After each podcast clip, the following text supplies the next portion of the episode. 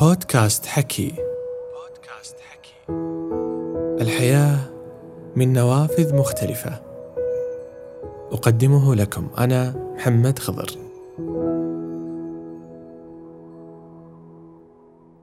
لم يبقى لنا في هذا العالم الشاسع سوى الأصدقاء. هم النسب الذي نتصل به مهما تعددت المنافي وهم أكثر أجزاء الحياة اشراقا وأهم موجبات السعادة وركائزها. ولا أبالغ إن قلت أن إيجاد الصديق والظفر به هدف لا بد من السعي لتحقيقه في رحلة الحياة. إن قيمة الصديق لا تقل منزلة عن الأهل من اللحم والدم بل تزيد. إلا أن صلة الصداقة أعلى منزلة كما وصف ابن الأثير لأن النسب الذي ينميه القلب إلى القلب أوصل من نسب الرحم الذي ينميه الإبن إلى الأب حتى أنه شبه قطيعة الصداقة بقطيعة الرحم فقال أن الانتقال عن خلة الوداد كالانتقال عن نسب الميلاد. لطالما اعتبرته إنسانا يستحق الغبطة من يعيش تلك المصادقة والتناغم الروحي مع آخر يناديه يا أنا! من يحتضن اسما إلى جواره ويشعر تجاهه بألفه وينجذب إليه ويرتبط به وبشدة. يتبادل معه الآراء حول الوقائع اليومية العادية إلى أحداث العالم الكبرى وينسجمان في رؤية كونية متقاربة. استوقفتني صداقة الكاتب الفرنسي مونتان مع صديقه الراحل لا بويسي وشعرت به جدا.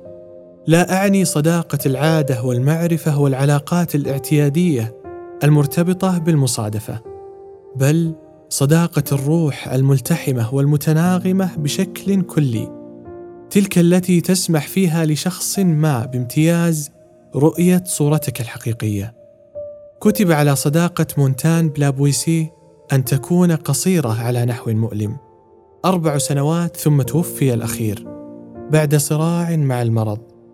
احتلت تلك الحادثة مخيلة مونتان إلى الأبد واعتبر أن بقية حياته مقارنة بالأربع سنوات التي عاشها في صداقة لابويسي مجرد رماد وليل مظلم وكئيب وأيام تمر بسام ثم اكتشف الطريقة التي تعوضه عن ذلك الألم بعد ثمانية عشر سنة من الفراق وهي الكتابة في منزل على طرف باريس قرب الماء.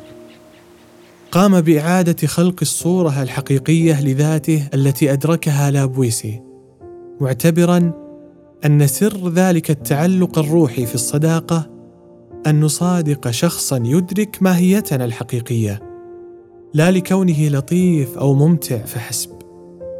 وأصبح هو نفسه على الورق كما كان في حضرة صديقه. كانت كل كتبه مدفوعة بخيبة الأمل من عدم العثور على ذلك الإنسان الذي يفهم روحه ويتناغم معها كما حدث مع لابويسي. كانت تسليته هي الأمل بأن هناك شخص في مكان ما سيفهمه عن طريق تلك المفارقة التعبير عن أعماق ذاته للغرباء. اختتم نص كتاب له بتلك العبارة. أشياء كثيرة لم أكن مهتما بالبوح بها لأي شخص. أصبحت أبوح بها للجميع. ولمن يود معرفة أشد أفكاري سرية فقد بدأت أحيل أعز صديق لي إلى رفوف المكتبات.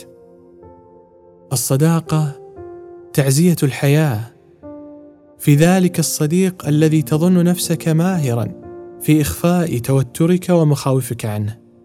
فيقبض على مشاعرك الخفية ويدركها ويخفي عنك شعوره بك ثم يمضي بكلمات دافئة تتسرب منها نسمات الطمأنينة إلى وجدانك. فتحتضنك روحه ويطبطب عليك قلبه. فتعود إليك السكينة ويضيء نور حضوره بداخلك فتتبدد كل الهموم.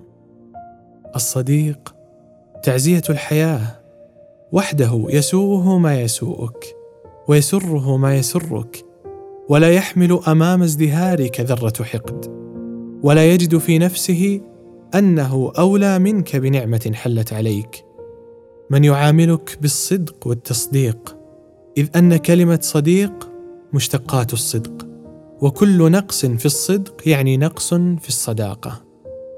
الصديق هو الأمان عند الهلع إذ يقول لصاحبه لا تحزن والثبات عند الكارثة والأمل عند اليأس إنها درجة من التعارف والقرب والتساند تتجاوز مجرد المعرفة العادية التي تنتجها القرابة أو المجاورة أو تبادل المنافع. الصديق تعزية الحياة وحده من لا تشعر معه بالحاجة إلى الحذر عند الكلمة. أنس الحياة والسفر والمجلس والرحلة. من تكون معه أنت ويكون معك هو ويكون مجرد وجوده فحسب كافيا لبث كل معاني الطمأنينة في قلبك. بل وحتى صمتكما معا طبطبة لا تحسنها كل لغات العالم. يا صديقي إن وجدت ذلك الصديق الذي تتشارك معه الحياة بحلوها ومرها. الذي لا تتكلف له عناء التبرير والاعتذار لأنه يعرفك جيدا ويتقبلك. الذي يحبك بصدق لا يتخلى عنك وقت احتياجك ولا يستأذنك ليكون إلى جوارك. تمسك به جيدا وكن له نعم الصديق. واعتبر هذه الصداقة أحد أهم إنجازاتك في هذه الحياة. فكلنا نحتاج في رحلتنا إلى صديق. فقديما قالوا سلام على الدنيا إذا لم يكن بها. صديق صدوق صادق الوعد. منصفا.